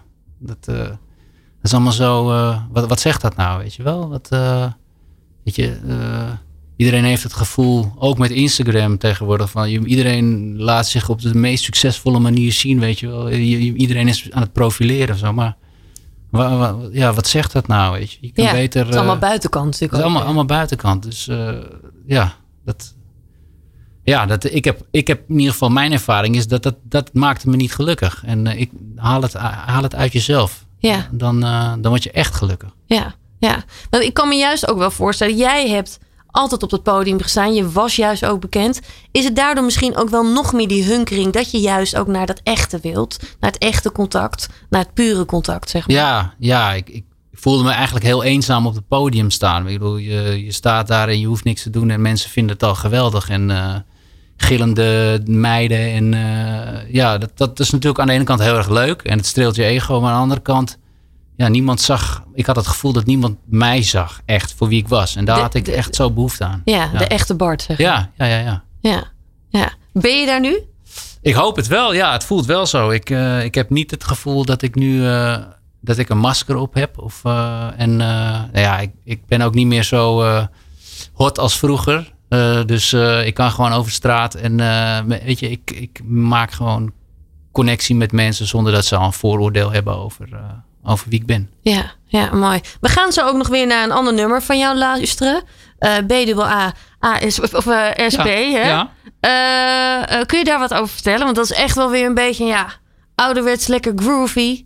Ja, BWASB is echt is een ode aan Snoop Dogg, Snoop Doggy Dogg. Die, ja, dat was een van mijn grote voorbeelden vroeger. Dat vond ik geweldig. Het album Doggy Style vond ik echt, ja, heel inspirerend. En eh, dus dit, dit is zeg maar die vibe van, van, van, van die tijd uit de jaren negentig. eh, echt een beetje West Coast Dre beat en eh, Snoop eh, flow.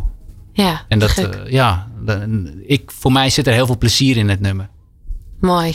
We gaan, hem, we gaan hem luisteren. Lekker leven met Martine. We zitten hier natuurlijk nog steeds met eh, Baas B, eh, Bart Zelstra. Bart, eh, we hebben natuurlijk al heel erg veel al besproken over het album wat dat betreft. Ja. Eh, maar het mooie is, is dat je natuurlijk op dit album ook een hele mooie samenwerking bent aangegaan met Thomas Bank. Kun je daar wat over vertellen? Hoe is dat ontstaan? Ja, zeker. Nou, Thomas en ik kennen elkaar, denk vanaf 2010. Dat is, Thomas is echt een van die mensen dat die, eh, ja, hoe zeg je dat? Klinkt een beetje gek. Die in mijn leven is gekomen, maar die ik heb ontmoet eh, in de tijd na eh, dat ik gestopt was met Lange Frans Baas B. Ja, En ja, die kwam echt op het moment van dat ik het in muziek, ik zag het niet meer echt meer zitten. En hij, ja, hij is producer, hij heeft Candy Dulfer heel veel, heel veel cd's van haar geproduceerd. En, dus ja, ik kwam hem tegen en keek ook wel tegen hem op. En eh, hij vond het gewoon te gek om eh, de studio in, eh, in te gaan. Dus we hebben ja, in die tijd, terwijl het naast mijn studie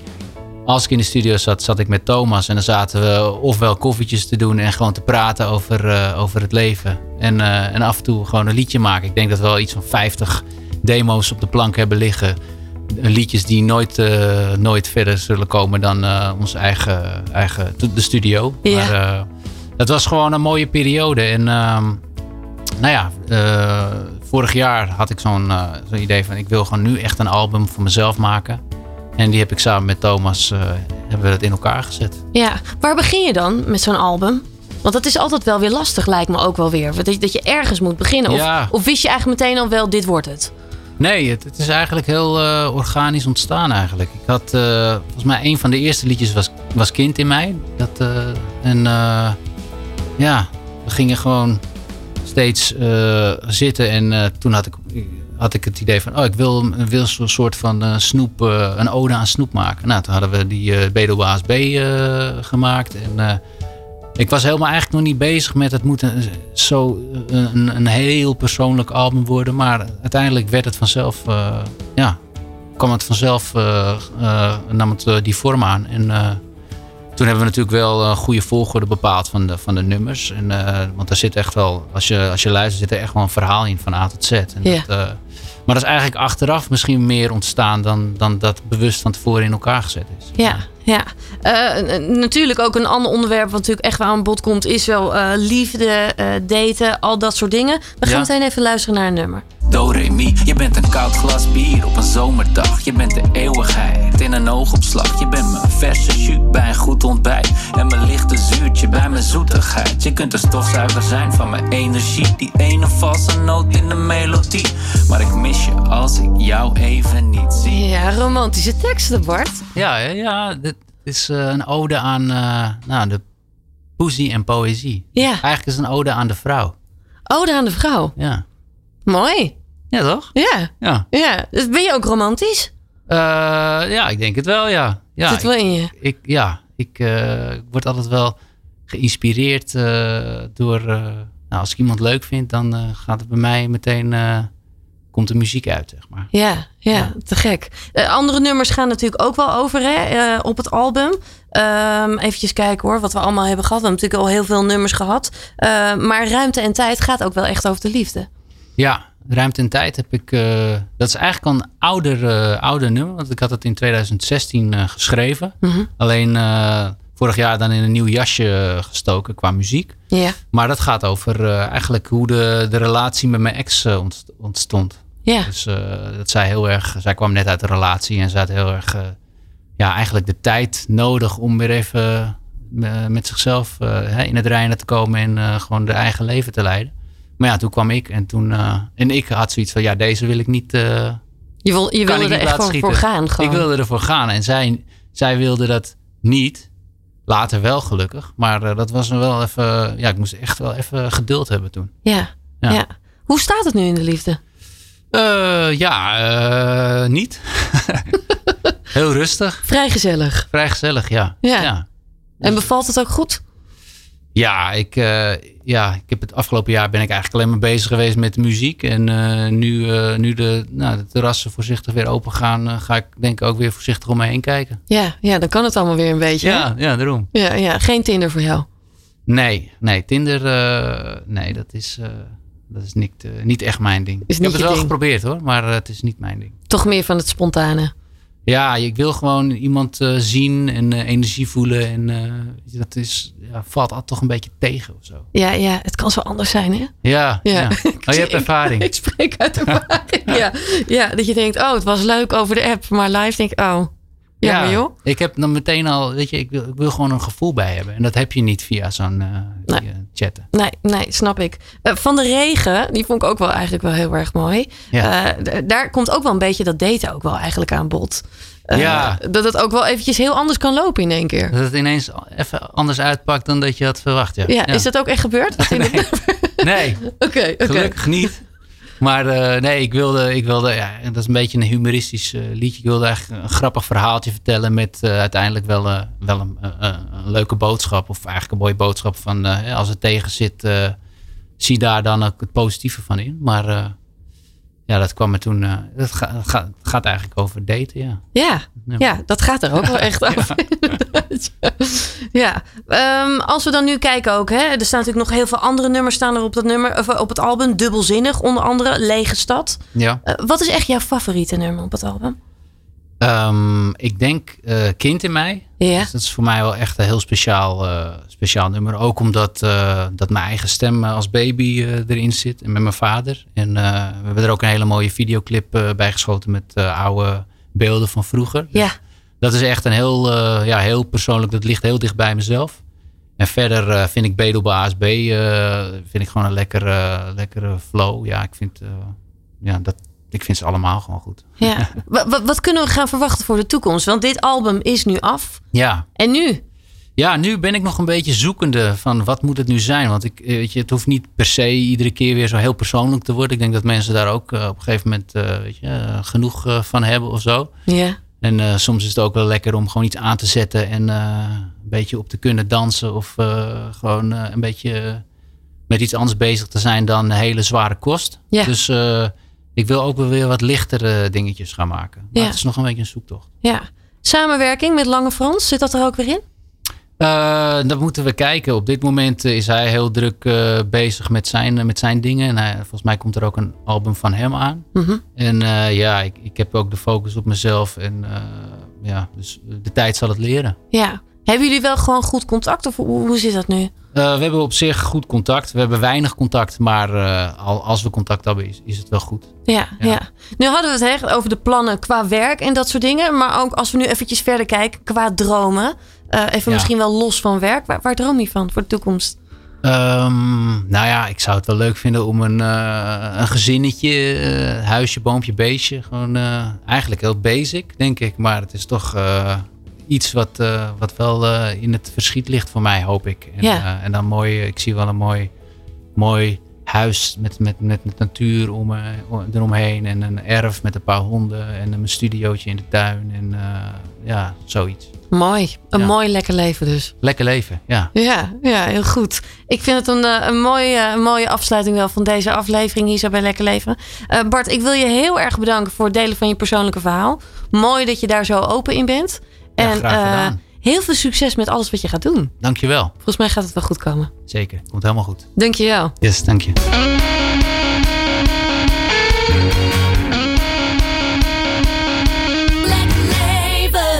En zoals je van mij gewend bent, geef ik je graag tot slot nog wat tips mee. Zeg Howard, waar hou jij eigenlijk van? Nou, bij Movement training en revalidatie leer je op een functionele manier trainen met onder andere de techniek van functional patterns. Als je last hebt van een blessure, dan is dit echt een aanrader. Want ze helpen heel veel mensen van een blessure en klacht af. Ook als je er al jaren mee rondloopt en maar niet weet wat je ermee kunt doen. Movement kan je echt heel goed helpen.